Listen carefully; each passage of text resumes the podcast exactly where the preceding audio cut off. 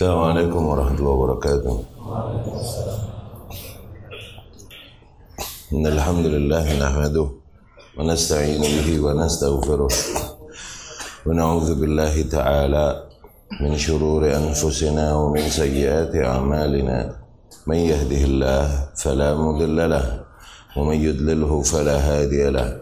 وأشهد أن لا إله إلا الله وأشهد أن محمدا عبده ورسوله أما بعد. فان اصدق الكلام كتاب الله وخير الهدي هدي محمد صلى الله عليه وسلم وشر الامور محدثاتها وكل محدثة بدعة وكل بدعة ضلالة وكل ضلالة في النار أما بعد ini adalah materi perkuliahan ya yang disampaikan oleh ulama yang disampaikan juga yang yang disampaikan oleh Syekh Dr. Muhammad bin Umar Bazmul hafizahullah ya bukanlah sesuatu yang kami karang-karang dari diri kami sendiri lah, ya ini hanyalah apa kami rangkumkan, kami sadurkan dan kemudian kami edit, kami berikan tambahan dari apa yang disampaikan oleh para ulama. Hafizahumullah ahya'an wa amwatan rahimahumullah ahya'an wa amwatan Ya, materi ini bertema tentang fikih intima wal muwatanah, fikih bagaimana kita ber, berafiliasi dan bernegara. Begitu. Ya, yang akhirnya berbicara tentang muqtadayat walawazim al-intima wal muwatanah, consequences, konsekuensi-konsekuensi dan kewajiban-kewajiban di dalam okay, bernegara, ya berbicara berarti tentang nasionalis, nasionalisme, ya. Mananya adalah di mana sebagaimana kita kemarin terangkan ketika seorang muslim berafiliasi kepada negaranya ya kepada negaranya yang muslim tapi dengan bentuk afiliasi yang tidak menentang kaidah-kaidah syarak gitu. Ketika seorang muslim berafiliasi kepada negaranya namun dementak dengan bentuk afiliasi yang tidak menentang syari syariat. Ya. Ikhwati rahimakumullah, syariat diturunkan oleh Allah Subhanahu wa taala disampaikan melalui Rasulullah sallallahu alaihi wasallam. Okay?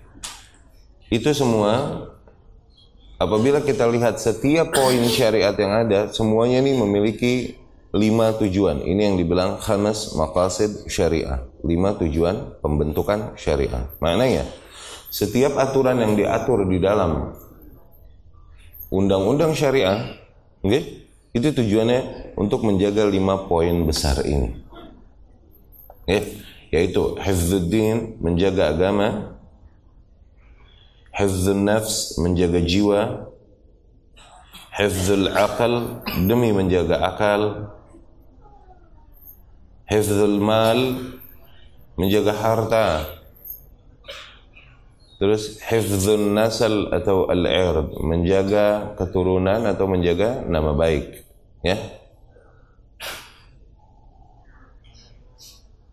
Itu lima tujuan pembentukan syariah menjaga agama. Dari situ disyariatkanlah apa yang disyariatkan. Disyariatkanlah untuk menuntut ilmu disyariatkanlah berdakwah disyariatkanlah berjihad. Ini semua demi penjagaan kepada agama.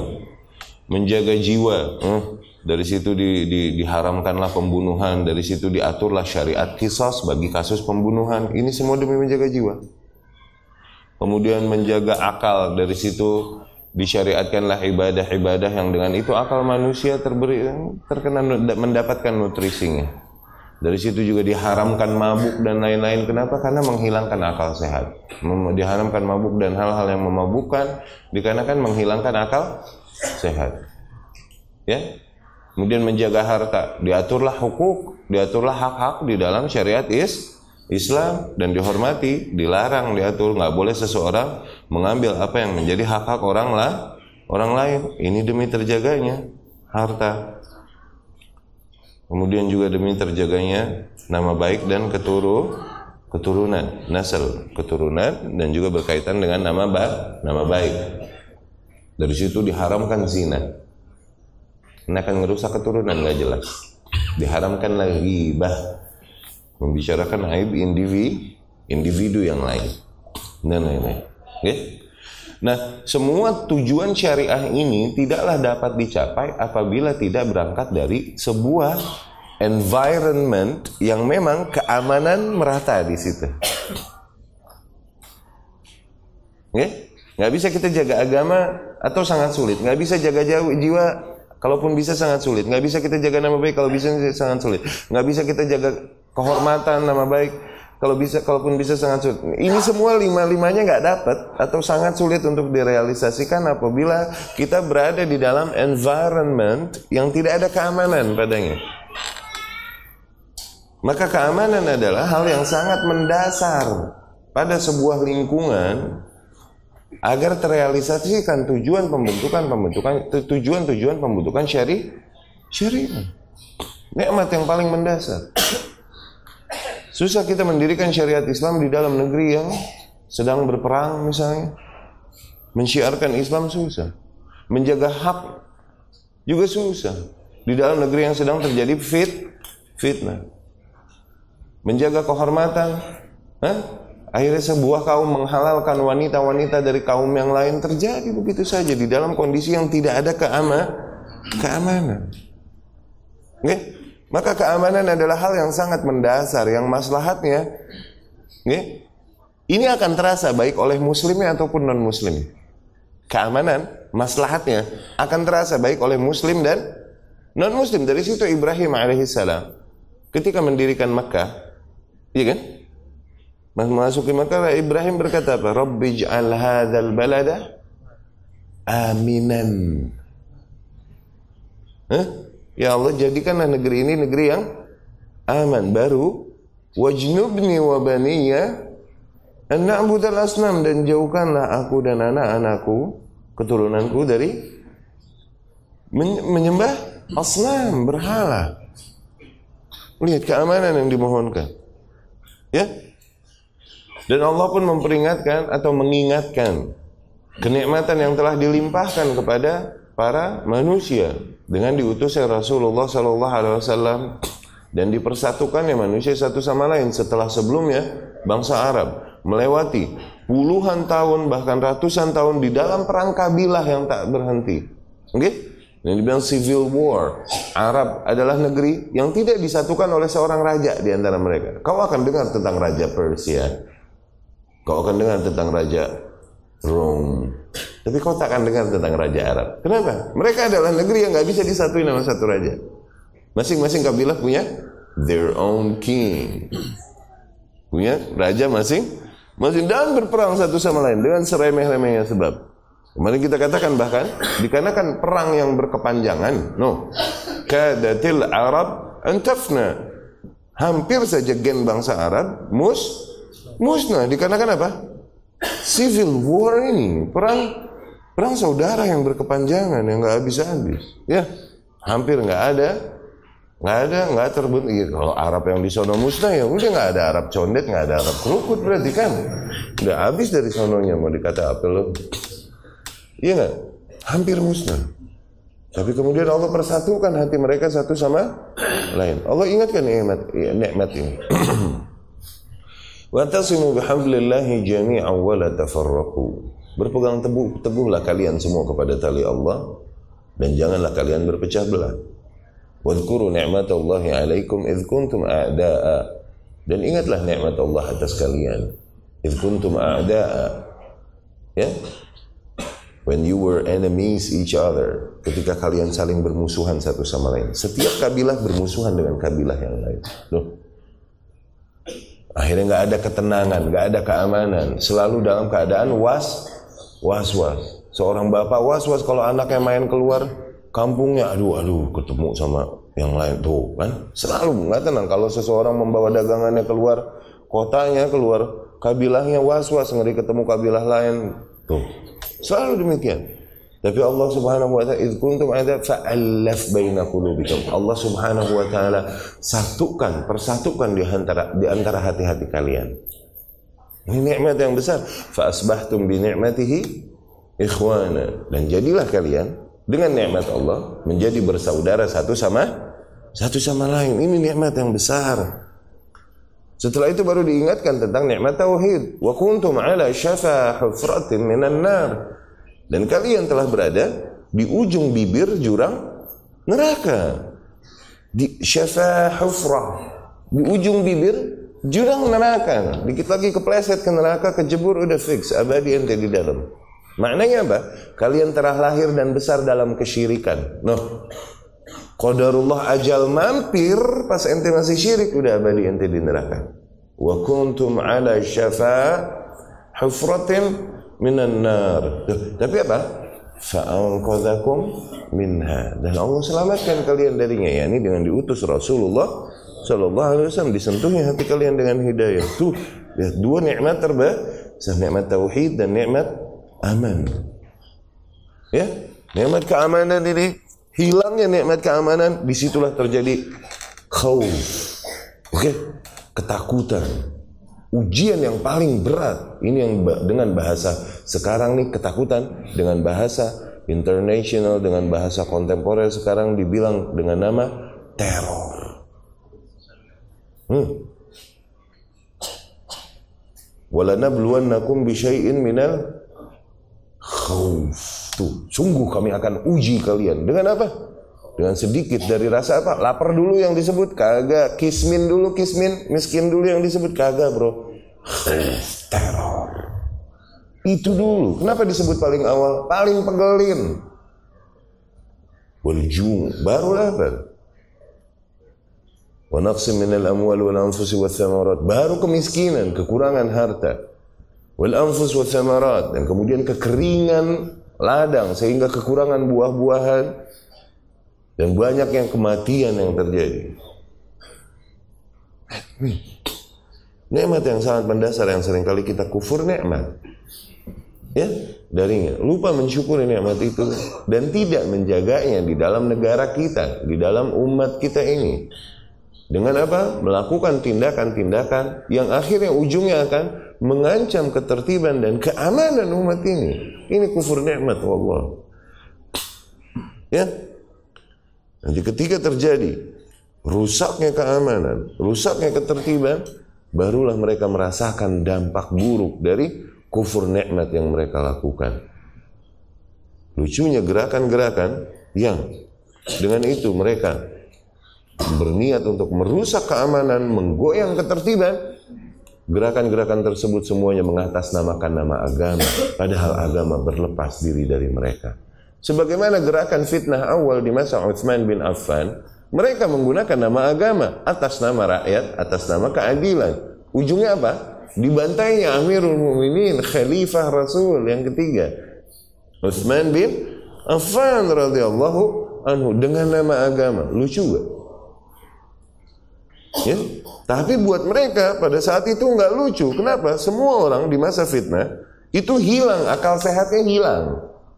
Tidakkah kalian lihat manusia-manusia yang beriman dan bertakwa dengan sangat tinggi kejeblos di fitnah itu? Demikian fitnah. Nggak lucu. Kita yang di sejarah baru kita bisa melihat, ih lucu ya konyol. Tuh, di sejarah. Kita udah di dalam perjalanan itu saja. Hati-hati. Jangan sampai kalian lakukan tindakan-tindakan yang nanti sejarah akan mencatat kalian. Dan kemudian anak cucu kalian akan mentertawakan apa yang kalian lakukan. Jangan. Awas. Ya. Nah Islam mengatur ini. Bagaimana bernegara seharusnya. Bagaimana loyalitasmu kepada negara. Sebatas apa. Ya? Kemudian bagaimana intimamu, afiliasimu, bentuk afiliasimu kepada negara. Bagaimana bentuk mencintai negara yang sesungguhnya sebagaimana diatur di dalam syariat Islam. Ini yang sedang kita bicarakan. Ya, sebagaimana faham-faham atau nilai-nilai yang lain ahlu sunnah selalu berada di, di, teng, di tengah di antara dua kutub yang berlebihan sebagian ada yang mengharamkan uh, nasionalisme demikian, oke, okay, mengharamkan mutlak 100% dan mengatakan bahwasanya itu adalah dakwah di antara dakwah-dakwah jahiliyah. Oke? Okay? Dan kemudian di antara mereka ada yang kutub sebaliknya bahkan menghalalkan nasionalisme 100% sampai titik menghalalkan perkara-perkara yang Padahal di dalam syariat udah diharamkan, tapi dengan nama bernegara dengan nama nasionalisme, akhirnya hal tersebut pun dihalal, dihalalkan. Ini dua kutub yang yang yang keliru. Selalu ahlu sunnah berada di teng di tengah. Kita membenarkan fitrah manusia mencintai negaranya, ya bahkan Rasul mencintai negaranya. Kalaupun negaranya belum negara muslim, kalaupun belum negara muslim, masih negara kafir, Rasul mencintainya, Rasul mencintai, mencintainya. Dan itu fitrah. Oke? Okay? Nanti kita akan bahas dengan hadis-hadis dan riwayat-riwayat yang ada. Namun kita mengarahkan cara mencintai yang benar. Dan kemudian konsekuensinya apabila kau memang mencintainya, maka lakukan hal-hal demikian. Ini yang dimaksud dari perkuliahan yang akan kita sampaikan. Ya. Kemudian ikhwan rahimakumullah. Jadi telah kita jelaskan di mana bernegara, okay, adalah berafiliasinya seorang muslim kepada negaranya yang muslim dengan cara atau dengan bentuk afiliasi yang tidak bertentangan dengan syariah. Oke? Okay? Berbeda dengan kaumiyah dalam artian rasisme. No, beda. Kalau udah sampai titik itu, maka dia akan membenarkan semua hal atau mengagungkan atau menyalahkan dan menghinakan semua hal yang tidak pada kelompoknya. Nah, ini keliru. Ini baru asabiyah masuknya. Oke? Okay? Masuknya bentuk ta'asub kepada kekelompokan tertentu atau kebernegaraan tertentu. Nah, dengan bentuk demikian salah. Oke? Okay? Kaumiyah dengan bentuk demikian adalah termasuk dakwah-dakwah asabiyah, dakwah-dakwah jahiliyah. Oke? Okay? Seperti rasisme dan lain-lain. Tapi kalau berbicara tentang nasionalisme, selama bentuk nasionalismenya sesuai dengan kaidah-kaidah syariat, maka tidak masalah. Nasionalisme dalam artian cinta negeri, oke? Okay? Ya kan? Bentuk cinta dan care, peduli kepada negeri, demikian kan nasionalisme. Selama bentuk cinta dan bentuk pedulinya kepada negerinya sesuai di atas qawaid dan dawabit syariah, maka tidak masalah. Ini yang kita coba arahkan maknanya. Ya? Bal naqul inna hubbal watan fi syara' ghair makruh, ghair mahzur, hatta walau kana al balad ghair muslim.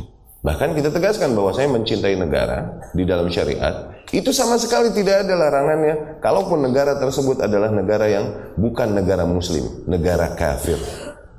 Cinta negara fitrah udah. Iya nggak? Kalaupun negaranya negara kafir Negara kafir udah. Cinta tumpah tanah darah dia tumpah tanah tumpah darah dia nih, okay? tanah air dia fitrah gak? Fitrah. Se seorang lahir di negeri kafir dia mencintai tanah itu fitrah gak? Fitrah gak bisa disalahin kecintaannya emang gak bisa disalahin cintanya. Nanti yang kita menilai benar atau tidak adalah perealisasian bentuk cinta itu seperti apa, gitu kan? Yang kita bahas demikian kan? Contohnya seperti di riwayat ini, diriwayatkan dari Abu Salamah radhiyallahu anhu radhiyallahu anhu diriwayat Imam Ahmad dan Imam Turmudi. Dengan sanadnya dari Abdullah ibnu Adi ibnu Hamra Az-Zuhri radhiyallahu anhu. Qal dia berkata, "Ra'aitu Rasulullah sallallahu alaihi wasallam waqifan 'ala al-hazwara." Suatu hari aku melihat Rasul sallallahu alaihi wasallam berdiri di atas hazwara. Hazwara ini sebuah highland yang ada di Mekah. Yang ini dataran tinggi, oke? Okay?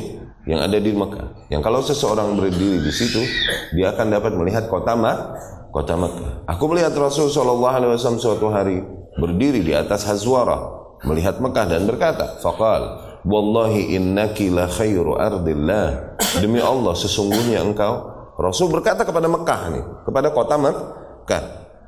Demi Allah sesungguhnya engkau adalah sebaik-baiknya negeri Allah wa ahabbu ardillah dan ya, wa ahabbu ardillah ilallah dan negeri atau bumi Allah yang paling dicintai oleh Allah Subhanahu wa taala. Walaula anni ukhrijtu minki. Kalaupun bukan kalau andai saja bukan karena aku diusir keluar darimu, yakni dari Mekah, makharaj. Sungguh aku takkan pergi meninggalkan Mekah. Ini ungkapan cinta nggak kepada negerinya? Eh? Ungkapan cinta nggak kepada negeri Mekah? Padahal negeri Mekah pada saat itu negeri Islam? Lah, negeri kafir, negeri musyrik pada saat itu. Maka fi dzalikal waqt dar kufrin. Tuh. Mekah pada saat itu adalah negeri kufur. Bal inna qaumaha akhraju. Bahkan kufurnya kufur harbi lagi yang sampai menyakiti kaum muslimin dan mengusir mereka akhirnya dari negeri Mekah. Dan ketika Rasulullah sallallahu alaihi wasallam hijrah ke Madinah, dan kemudian beliau sallallahu alaihi wasallam bersama para sahabatnya di Madinah, banyak para sahabat yang merasakan kerinduan yang sangat mendalam. Okay? Kepada apa? Kepada kota Mekah dan merasakan kesedihan yang mendalam dikarenakan mereka meninggalkan kota Mek kota Mekah. Dan pada saat itu Mekah adalah negeri kufur. Dan Rasul Shallallahu Alaihi Wasallam lam yungkirhum. Rasul tidak mengingkari bentuk kerinduan, ungkapan kerinduan mereka kepada Mekah pada saat itu. Tuh lihat, bentuk mencintai tersebut memang fit, Fitrah pada dasarnya tidak disalahkan oleh syariat. Apabila itu haram, maka haram Rasul diam, wajib Rasul mengingkarinya. Ya, sallallahu alaihi wasallam.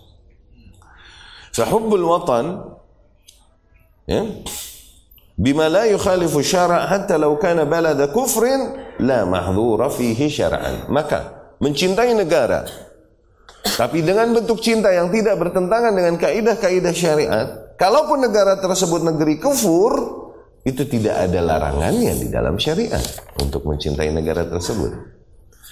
Maka pertanyaan kita sebatas apa? Dan dengan bentuk apa? Bagaimana caranya? Sebagaimana sesuai dengan kaidah-kaidah syariat kita mencintai negeri dan menjaga negeri. Begitu. Ini yang kita pertanyakan dong. Ya kan?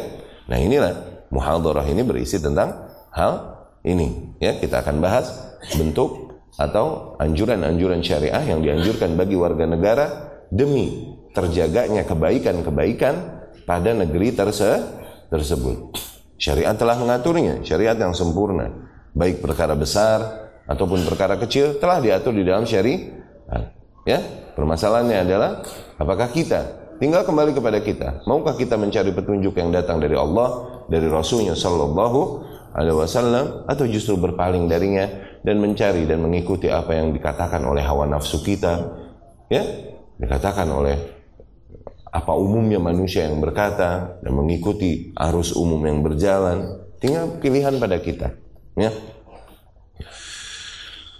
Nah kaifa nuhakkik al-intima wal muwatanah nah, bagaimana kita merealisasikan ya, berafiliasi kepada negara dan nasionalisme ya dengan cara yang tidak bertentangan dengan syariah inilah unwan bahsina inilah tema pembahasan kita.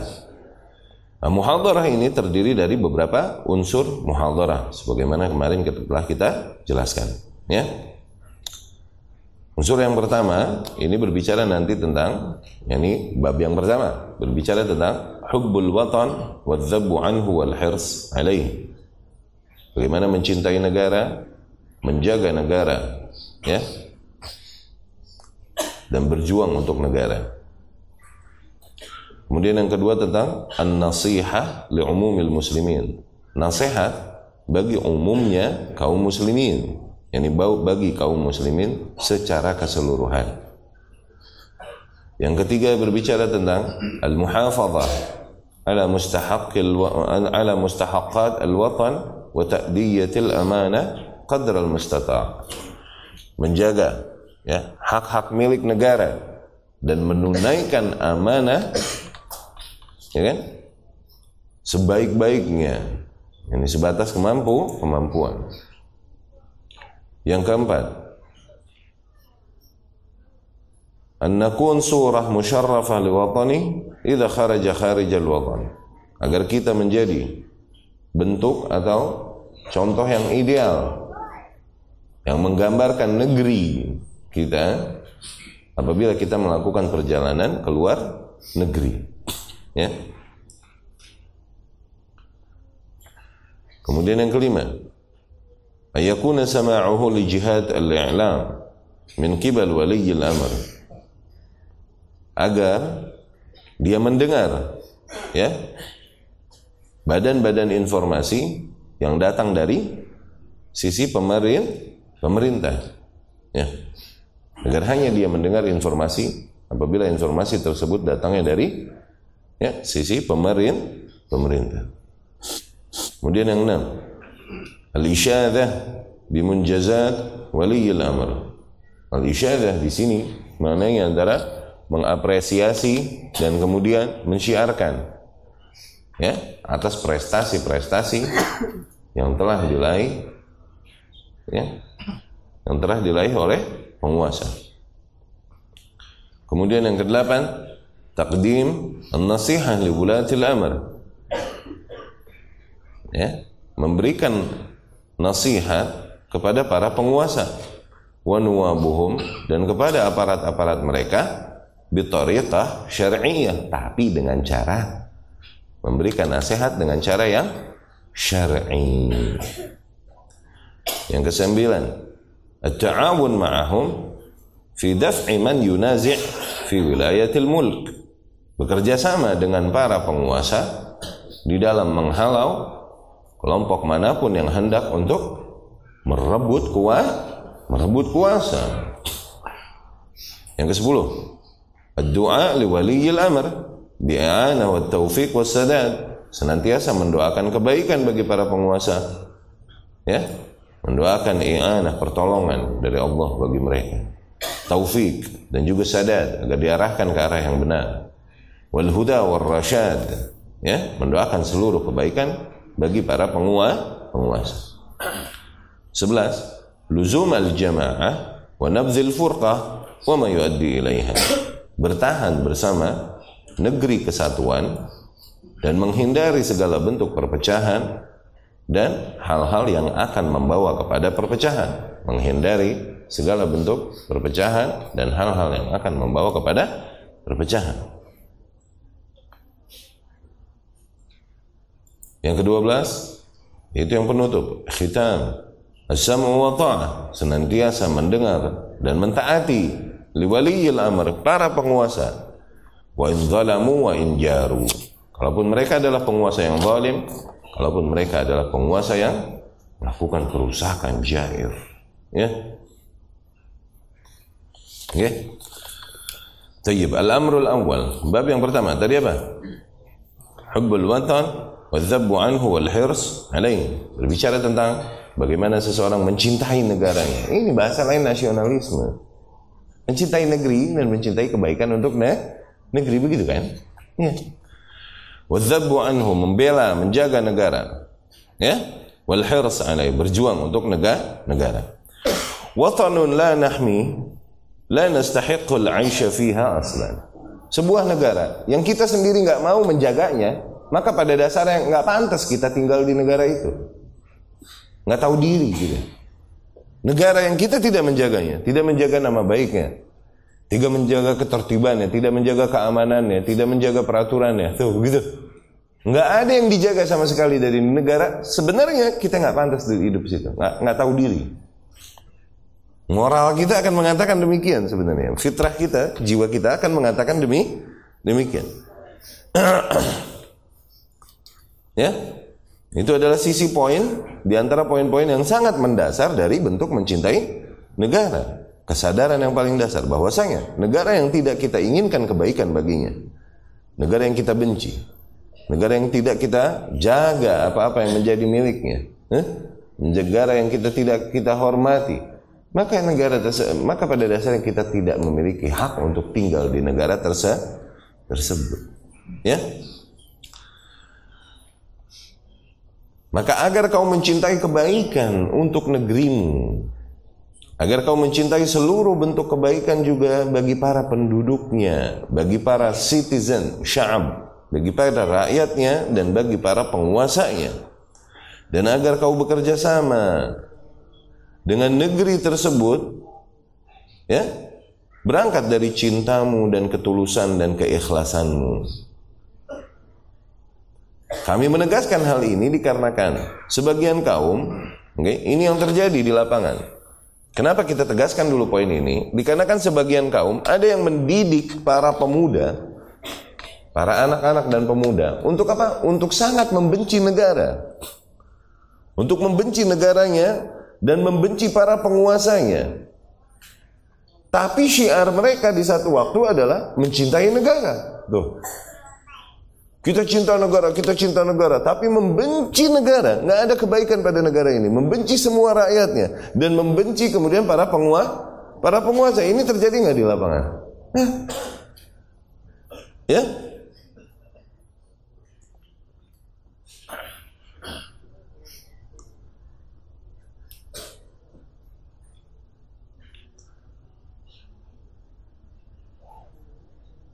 Akhirnya dengan itu mereka melakukan perkara-perkara, tindakan-tindakan yang tindakan-tindakan ini bertentangan sangat kontraproduktif dengan maslahat umum yang merata pada negeri itu.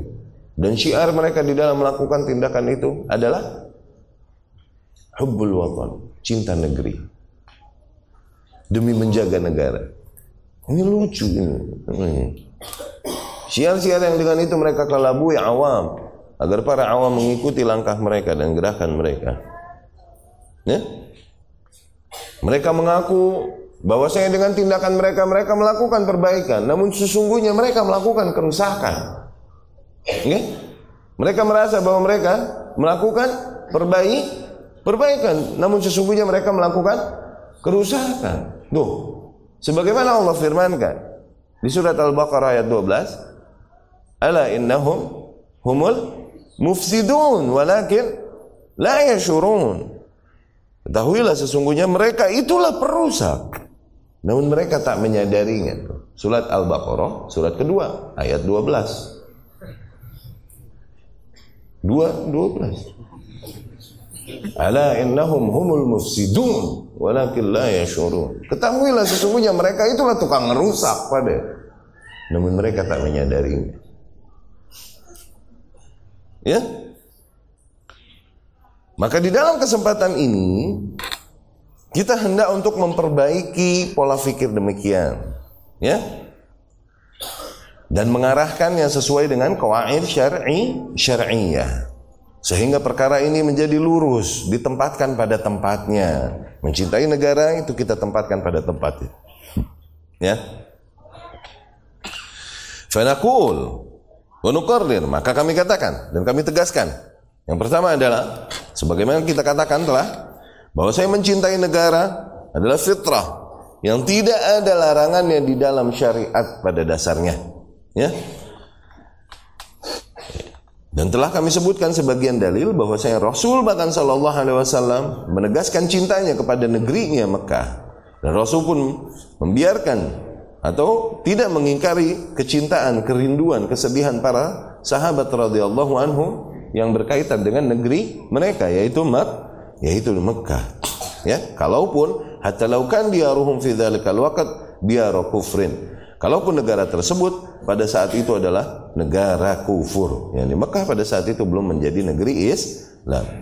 Fahada awalul amri qararna. Ini adalah perkara pertama yang kami tegaskan dulu. Inna hubbal watan sesungguhnya mencintai negeri sesungguhnya nasionalisme. Tuh laisa fihi mahdhur syar'i. Pada dasarnya tidak ada mahdhur syar'i tidak ada larangan tentang hal itu di dalam syariat. Madama hubbuk selama cintamu yuwafiq al qawaid asy-syar'iyyah sesuai dengan kaidah-kaidah syar syar'i. Ya. Sebagaimana mencintai orang tua. Fitrah enggak fitrah.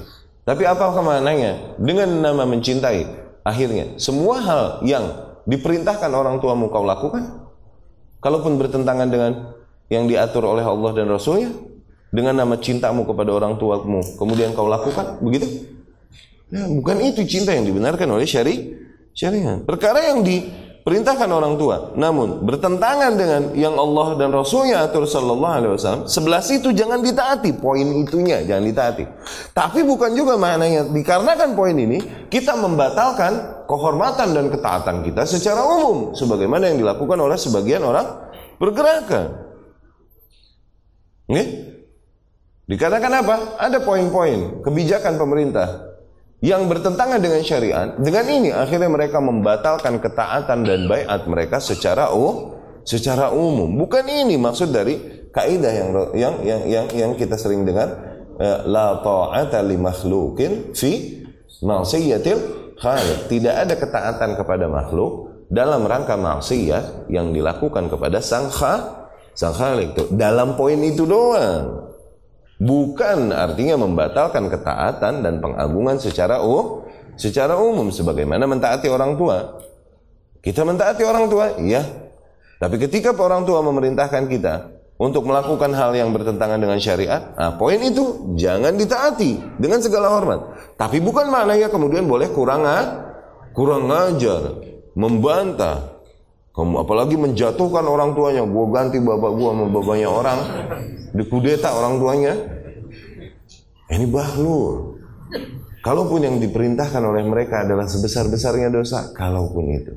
Kalaupun kesyirikan, kalaupun kesyirikan. Allah berfirman, Wa in jahadaka ala an tusyrika bi ma laysa laka bihi ilm fala tuti'huma wa sahibhuma fid dunya ma'rufa. Apabila mereka berdua, yakni orang tuamu, memaksamu untuk mempersekutukan aku dengan sesuatu yang kau tak memiliki ilmu atasnya. Fala tuti'huma, maka jangan taati mereka, yakni sebelah situ. Tapi secara umum, sahib huma fid dunya ma'rufa. Tetap agungkan mereka, pergauli mereka dengan sebaik-baiknya pergaul, pergaulan di dunia. Yani tidaklah karena satu kasus ini, okay, kemudian kita membatalkan pengagungan kita, kecintaan, kehormatan kita secara penghormatan kita secara umum. Demikian pula kepada penguasa. Demikian maksudnya kaidah la ta'ah li makhluqin fi ma'siyatil khaliq. Tidak ada ketaatan kepada makhluk dalam rangka maksiat kepada sang khalik. Sebagian awam yang terprovokasi terutama kesian. Okay?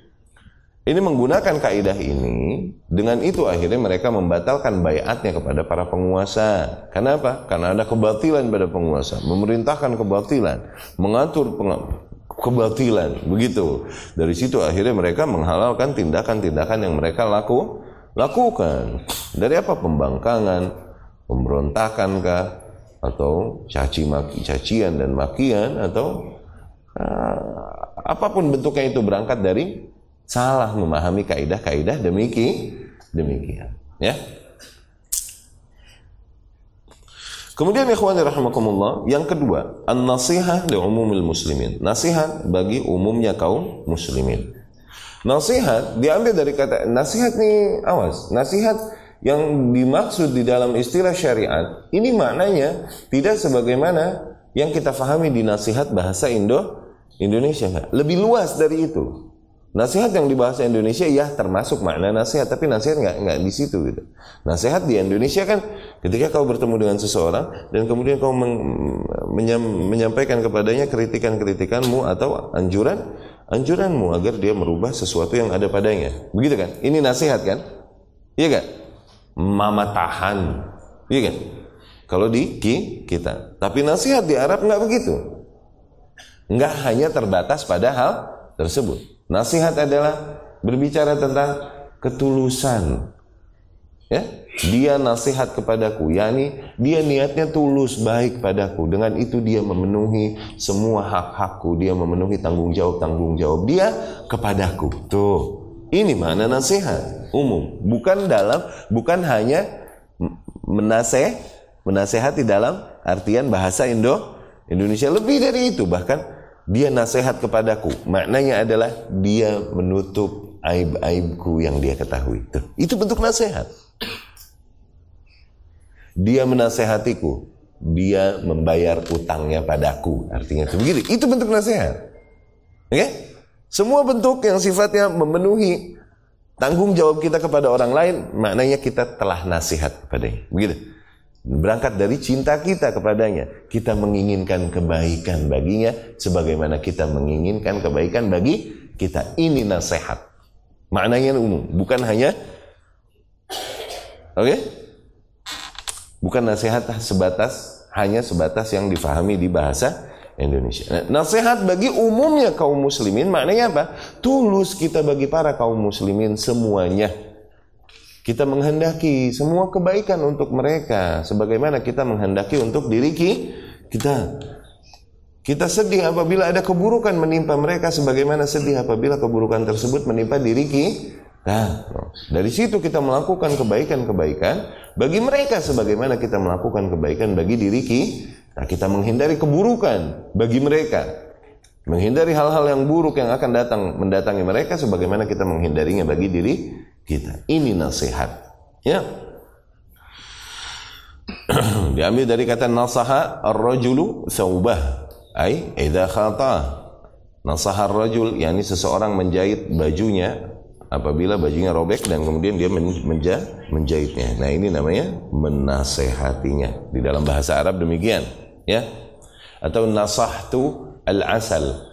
Aku menasehati madu. Maknanya apa? Menyaring madu sehingga jadi murni, tinggal madu doang. Itu menasehati madu. Menyaring madu sehingga jadi pure. Tinggal madu doang. Demikianlah bentuk menginginkan kebaikan bagi orang lain.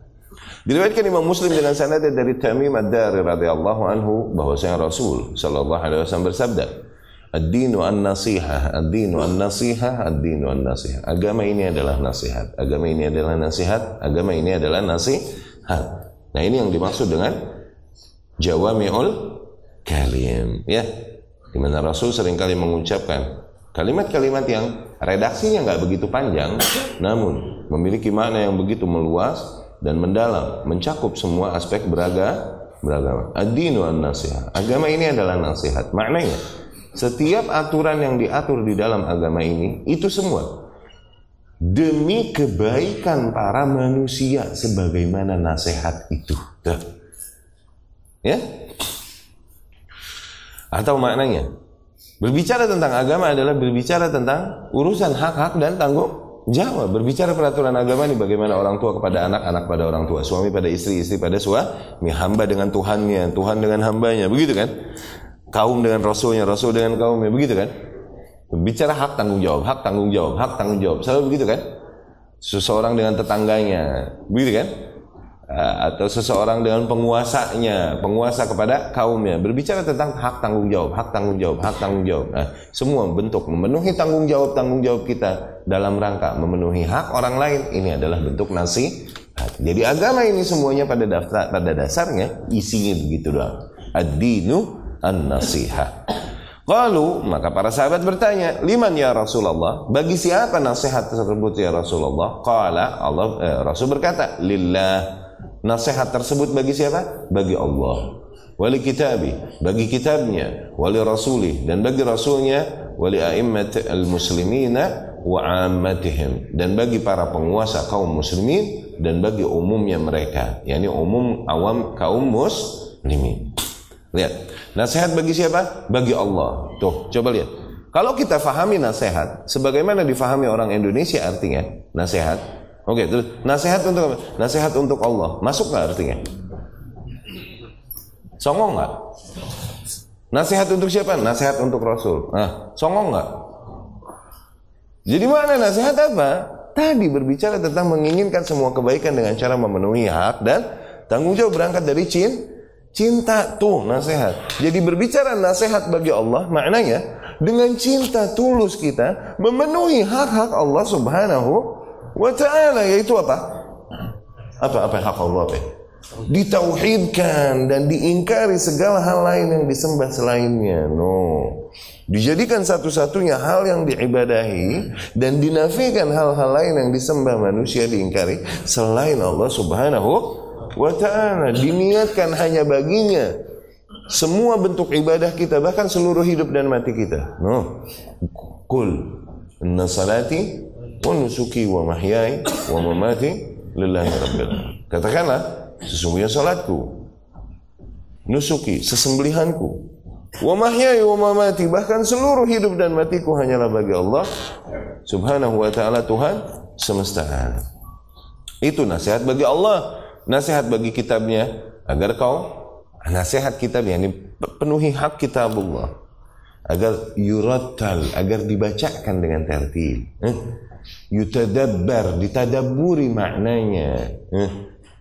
kemudian yutadarras dipelajari maknanya disesuaikan diarahkan apa yang Allah maksud dengan penjelasan yang datang dari Rasulullah Sallallahu Alaihi Wasallam ditempatkan maknanya pada tempatnya. Dikarenakan orang kalau langsung makan kepada Qurannya aja salah faham tanpa tuntunan Rasulullah Sallallahu Alaihi Wasallam karena Allah sendiri yang bilang wa anzalna ilaika dzikra litubayyana lin-nasi ma nuzila ilaihim. Kami turunkan kepadamu wahai Muhammad az-zikra. Agar dengan az-zikra itu wahai Muhammad, kau jelaskan kepada para manusia apa yang diturunkan pada mereka. Tuh, berarti ada berapa hal yang diturunkan?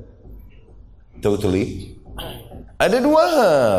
Kami turunkan kepada engkau wahai Muhammad az-zikra. Agar dengan az-zikra kau jelaskan kepada para manusia apa yang diturunkan pada mereka. Tuh, berarti ada berapa hal yang diturunkan Allah? Berarti ada dua. Ya ini apa? Al-Quran yang diturunkan kepada manusia dan kami berikan kepadamu ilmu tentang apa yang kami maksud di sini, penjelasannya, keterangan teknis, detail teknisnya gimana. Nah, itu tugasmu wahai Muhammad sampaikan pada mereka untuk menjelaskan makna Al-Quran.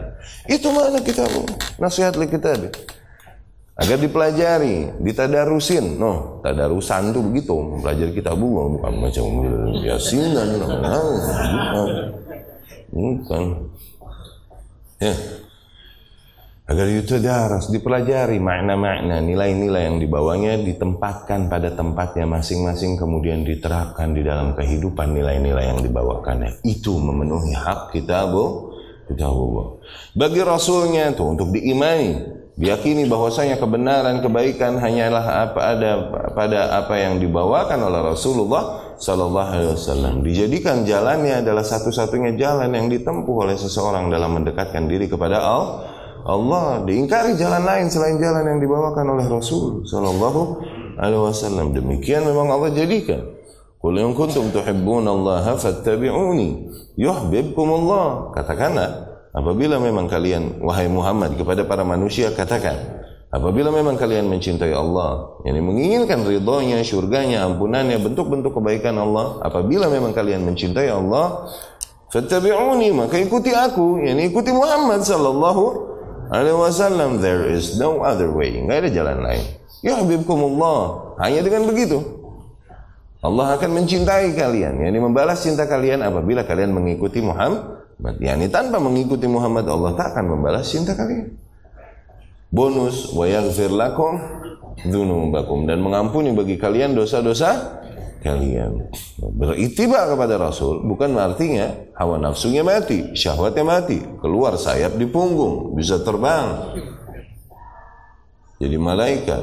Lah, mengikuti Rasul manusia, manusia dengan segala kekurangannya dan syahwatnya. Tapi dengan mengikuti Rasul, bonusnya adalah wa yaghfir lakum dzunubakum dan Allah ampuni bagi kalian dosa-dosa kalian. Itu bentuk menasehati Rasulullah Sallallahu Alaihi Wasallam. Bukan maknanya menasehati Rasul adalah menegur Rasul, wahai Muhammad, berbuat adillah engkau. Hmm. Sebagaimana yang dilakukan oleh bapaknya Khawarij, no. Hmm. Siapa bapaknya Khawarij? Zul Khuwaisirah At-Tamimi. Ya, wali a'immatil muslimin dan juga nasihat kepada para penguasa kaum muslimin itu memenuhi hak-hak mereka ya wa ammatihim dan kemudian kepada seluruh rakyat kaum muslimin ya. Maka nasihat bagi kaum muslimin secara keseluruhan adalah sebentuk nilai inti beragama ini ya. Dan nasihat bagi seluruh kaum muslimin itu dapat kita realisasikan dengan banyak bentuk. Misalnya okay? menasehati kaum muslim ini bentuknya banyak. Misalnya, yang pertama, okay? Al-lazim baina ar-ra'iyah fi bayan hukuk al-watan wa hukuk ulatil amr. Dengan mendakwahkan kesadaran yang seharusnya, yang ideal. Seluruh manusia terus sentuh kesadaran mereka. Okay? Agar apa? Agar membangkitkan kesadaran pada manusia ya, di antara rakyat. Di dalam apa? Di dalam agar mereka menyadari betul-betul apa hak-hak negara mereka atas mereka. Nuh. Agar mereka sadar sebagai warga negara sini maka layaknya kau melakukan demikian. Tak layak kau melakukan demikian. Sebagai warga negara yang ada maka harusnya kau melakukan demikian dan tidak kau lakukan hal demikian. Ini kesadaran ini yang harus dibangkitkan. Oke? Okay?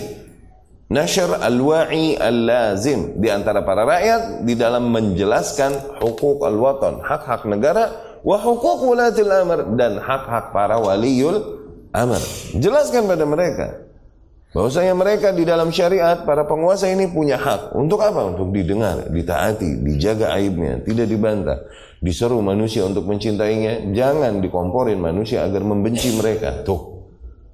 Ini sampaikan sebagaimana disampaikan Allah dan Rasulnya sallallahu alaihi wasallam. Ya. Yang kedua,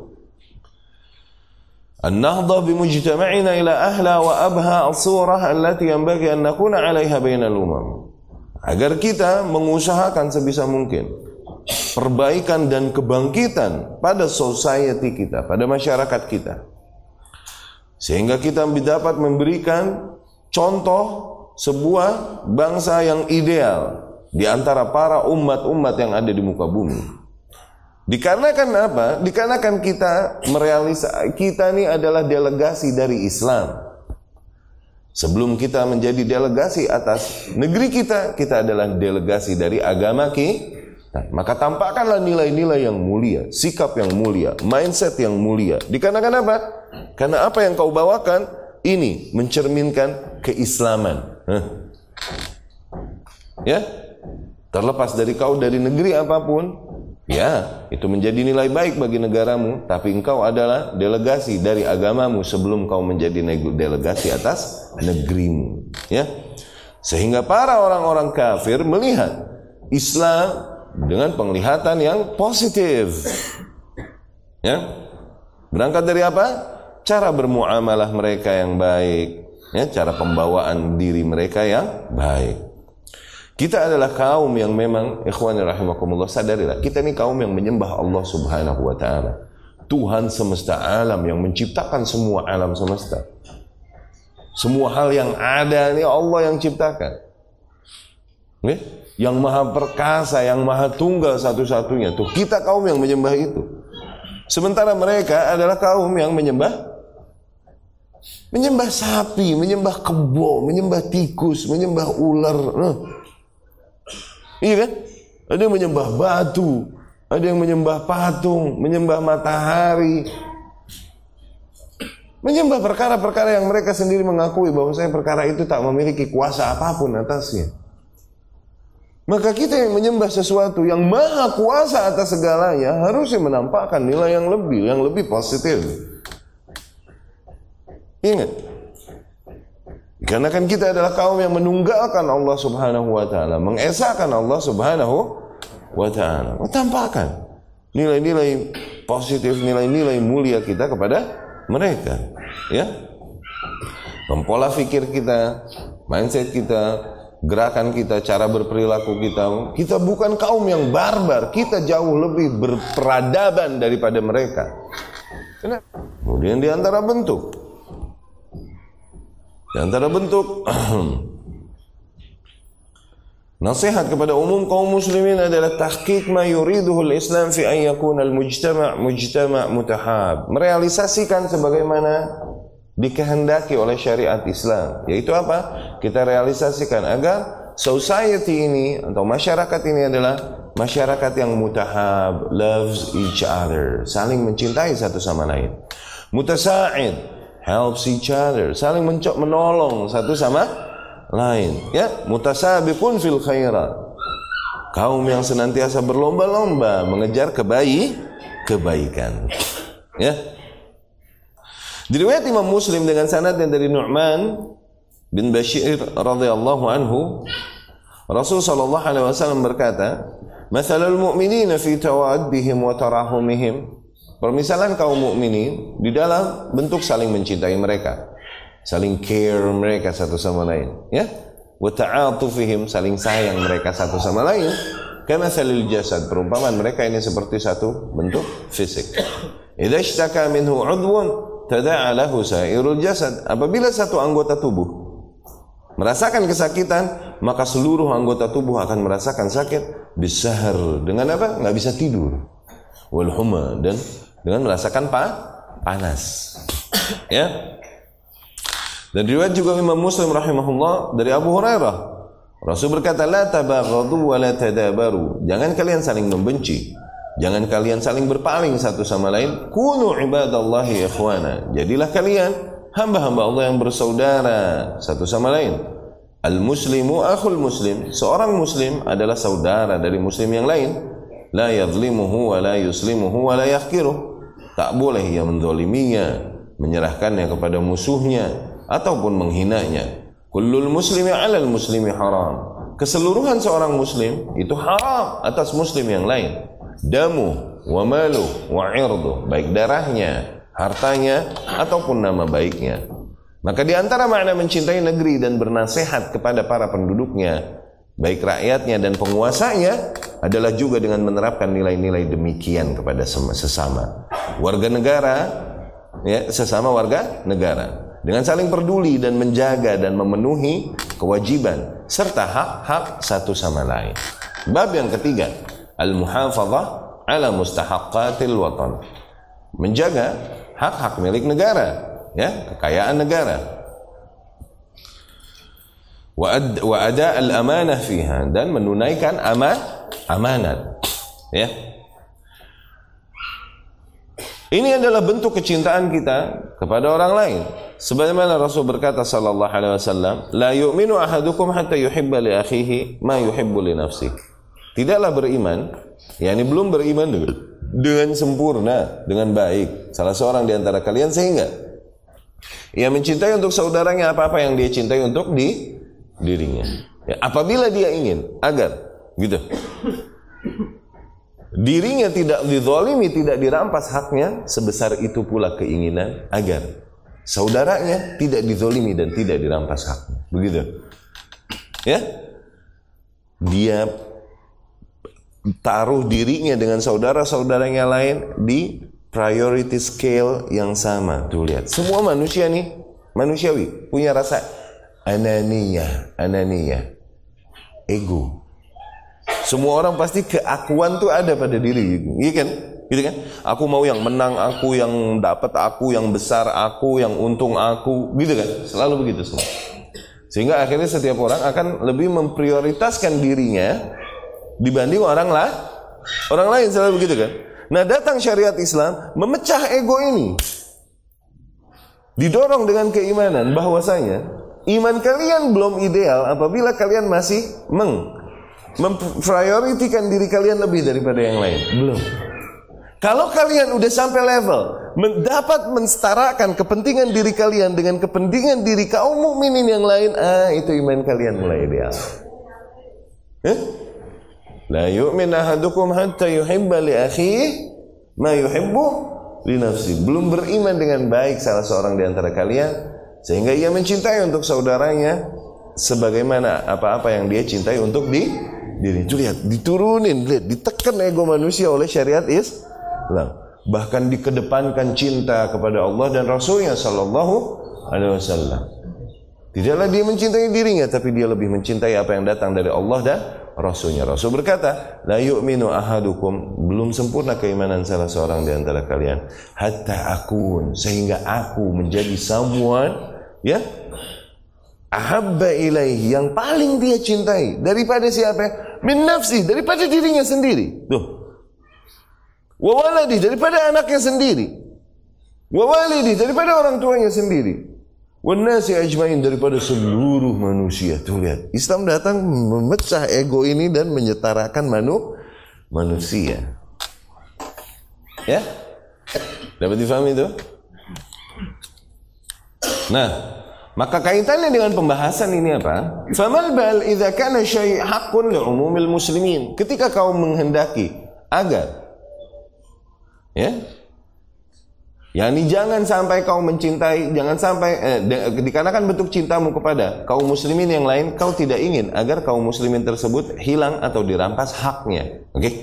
Nah, apalah lagi, apalah lagi. Kalau hak tersebut yang dirampas adalah bukan milik satu orang individu kaum muslimin, tapi milik umat secara keseluruhan. Harusnya seorang yang beriman, dia akan sangat menjaga hak umat ini. Tuh. Karena bukan hanya milik satu mukmin, ah, milik satu mukmin kita jaga. Kita nggak mau zolimi. Kita menjaga agar jangan sampai dirampas darinya. Kenapa? Itu hak dia. Apalagi hak tersebut milik keseluruhan kaum mus, kaum muslimin. Bayangkan hal itu. Ini maksudnya analogi yang coba disampaikan Syekh Hafizahullah. Maka semua hak yang dimiliki negara adalah hak warga negaranya juga. Dengan ini maka di antara makna mencintai negeri adalah menjaga fasilitas umum, ya, hal-hal yang menjadi milik negara dan juga tidak merusaknya, mengotorinya, apalah lagi berkhianat dan mengambilnya untuk kepentingan dan keuntungan pribadi. Seperti pengkhianatan jabatan dan wewenang, seperti penggunaan jalanan umum untuk membuka lapak-lapak dagang pribadi. Tuh, ente pikir itu nggak diurus di akhirat nanti, bro? Eh? Juga. Jalanan nih ente gebrak pakai balai terus ente gelar di situ ikan seger dari laut. Juga, wow, udah tinggal setengah tuh jalanan habis. Kau kira tidak ada kekuasaan, tidak ada manusia yang menegurmu, tidak ada yang memintai pertanggungjawabanmu di dunia. Kau kira ini di akhirat nanti jadi fine akan lewat begitu aja? Huh? Memperluas tanah kepemilikan pribadi sehingga memotong hak yang menjadi milik orang lain atau milik umum. Ya, ente ngembat sejengkal nih, ditimpa nanti dari tujuh lapis bumi di akhirat. Apalagi yang ente embat adalah berhektar-hektarnya negara. Okay? Sebagaimana diriwayatkan Imam Bukhari dan Muslim rahimahullah dengan sanad dari Sa'id bin Zaid.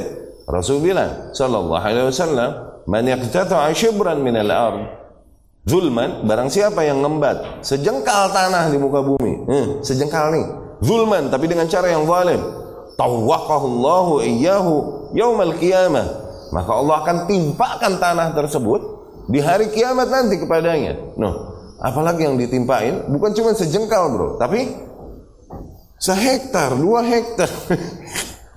Famabal man ardan lil ummah dan kemudian bukan milik seorang mus, tapi milik umat secara keseluruhan, maka dosanya lebih besar.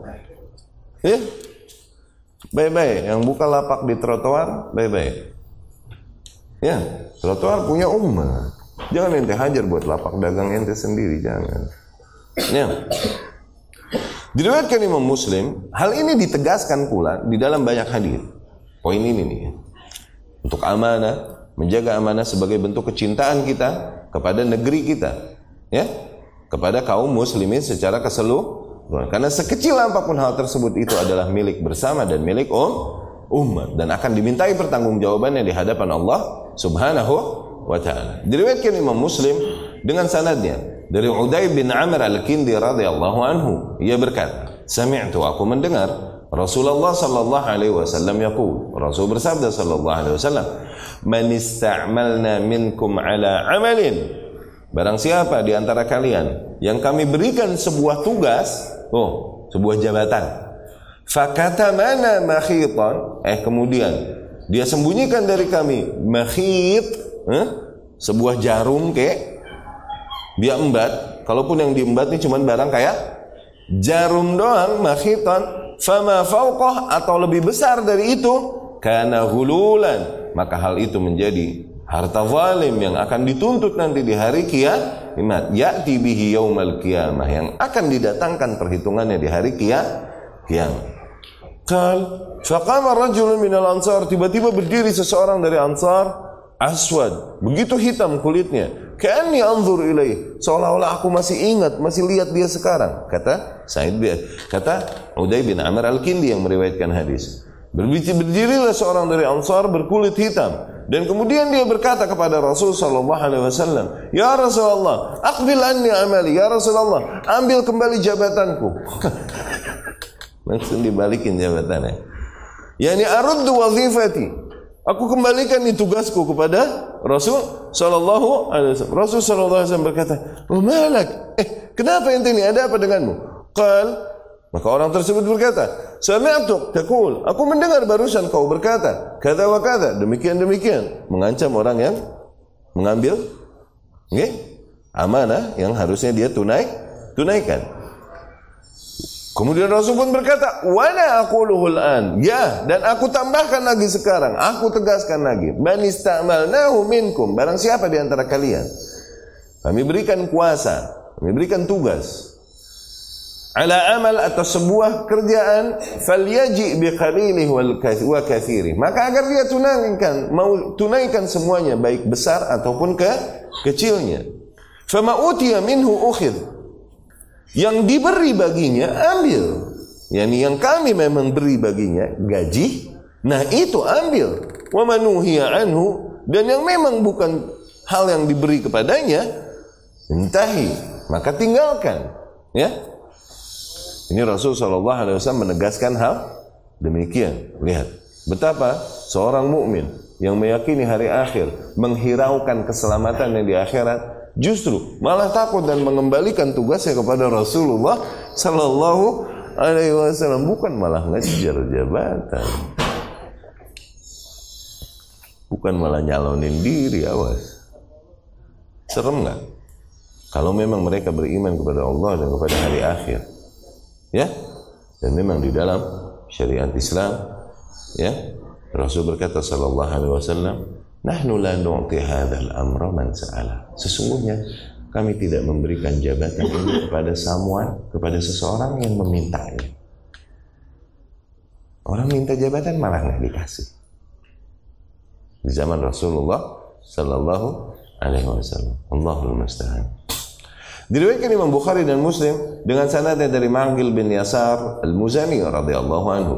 Rasulullah sallallahu alaihi wasallam berkata, "Ma min 'abdin yastar'ihi ar-ra'iyah." Tidaklah seorang hamba pun Allah berikan kepadanya rakyat yang dia kuasai.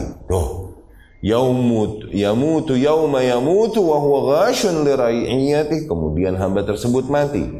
Dan pada saat dia mati dia berada dalam keadaan ghash yakni tercatat banyak menipu rakyatnya illa haramallahu alaihi jannah. Kecuali pasti ini orang Allah haramkan atasnya surga tuh serem gak? Tidaklah seorang hamba kami berikan kuasa atas sebuah rakyat kemudian dia mati pada saat ajalnya datang dan tercatat ia ternyata sebagai orang yang banyak menipu rakyatnya kecuali pasti kami haramkan atasnya surga. Hmm. Ya. Dan di dalam riwayat lain Nah, kemudian kami berikan dia kuasa atas sebuah rakyat, kemudian dia mati. Falam yuhitha binasiha dan dia tidak memperlakukan rakyatnya dengan cara yang nasihat. Tuh, nasihat ingat tadi apa? Tidak memenuhi hak-hak ra rakyatnya. Illa lamma yajid rihatal jannah. Kecuali pasti dia takkan menemukan aroma surgawi. Allah. Aroma surgawi ini tercium dari 40 tahun perjalanan perjalanan orang yang aroma surgawinya saja tidak mencium, maka dia lebih jauh daripada surga, oke, okay? daripada 40 tahun perjalanan perjalanan ma'azallah. Dan kemudian diriwayatkan Imam Muslim rahimahullah, Rasul bersabda sallallahu alaihi wasallam, "Ma min amirin yali umural muslimin, thumma la yajhadu lahum wa yansahu lahum illa lam yadkhul ma'ahum al-jannah." Tidaklah seorang penguasa yang menguasai perkara kaum muslimin, namun kemudian ia tidak berjuang bagi para kaum muslimin, tidak juga menasehati kaum muslimin, kecuali tidaklah ia dapat memasuki surga bersama para kaum muslimin. Tuh, serem nggak no puasa? Ya, hadis-hadis demikian dan semisalnya masuk ke dalamnya para penguasa, aparat, pejabat, dan juga masuk rakyatnya. Masing-masing memiliki kadar amanah dan kepemimpinan masing-masing.